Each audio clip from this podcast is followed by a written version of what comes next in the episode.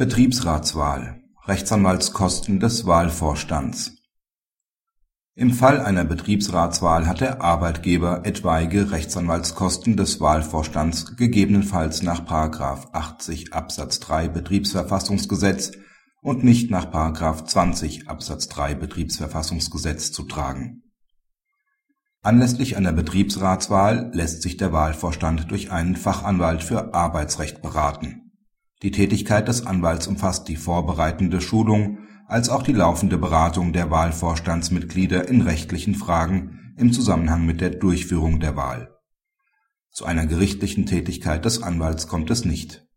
Der Arbeitgeber lehnt die Begleichung der Honorarrechnung des Anwalts mit der Begründung ab, dass keine Vereinbarung über dessen Tätigkeit mit dem Arbeitgeber zustande gekommen sei. Der Anwalt macht daraufhin im Beschlussverfahren aus abgetretenem Recht einen Zahlungsanspruch auf Ausgleich seiner Honorarrechnung geltend.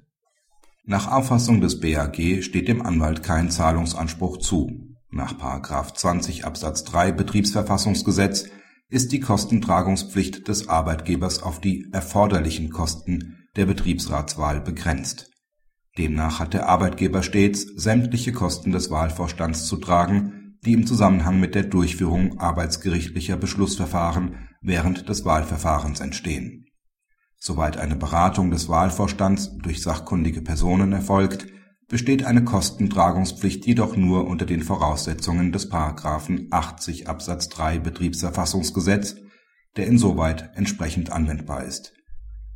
Diese Voraussetzungen sind im vorliegenden Fall nicht erfüllt da der Anwalt keine vorherige Vereinbarung mit dem Arbeitgeber über seine Tätigkeit getroffen hat. Ebenso wie in § 40 Absatz 1 Betriebsverfassungsgesetz regelt die Grundnorm des § 20 Absatz 3 Betriebsverfassungsgesetz die Kostentragungspflicht des Arbeitgebers nur unvollständig. Im Ergebnis ist daher die entsprechende Anwendung der Vorschriften über die Hinzuziehung von sachkundigen Personen auch für den Fall der Betriebsratswahl geboten nach der normativen Gesamtkonzeption der Kostentragungspflicht für die Tätigkeiten betriebsverfassungsrechtlicher Organe muss die Vorschrift des § 80 Absatz 3 Betriebsverfassungsgesetz nicht nur für den Betriebsrat, sondern auch für den Gesamtbetriebsrat, den Konzernbetriebsrat, den Wirtschaftsausschuss und auch für den Wahlvorstand gelten. In allen Fällen hat der Arbeitgeber ein schützenswertes Interesse daran im Fall der Beratung des betroffenen Gremiums den Gegenstand der Beauftragung und den Kostenrahmen durch eine entsprechende vorherige Vereinbarung zuverlässig festzulegen und dabei die Möglichkeit zu haben, Einwendungen vorzubringen bzw. dem Gremium eigenen Sachverstand zur Verfügung zu stellen.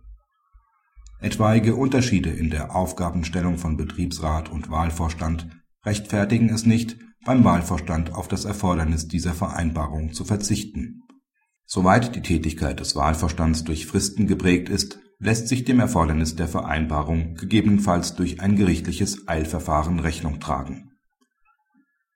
Praxishinweis Mit seiner Entscheidung schließt das BAG die letzte Lücke bei der Kostentragung im Betriebsverfassungsrecht.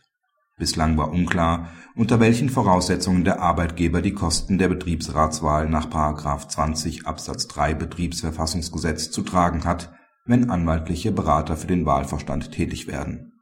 Das Risiko der erforderlichen vorherigen Vereinbarung mit dem Arbeitgeber trägt nun allein der tätig werdende Rechtsanwalt, denn die Mitglieder des Wahlvorstands werden in der Regel kaum bereit sein, das Honorar aus eigener Tasche zu bezahlen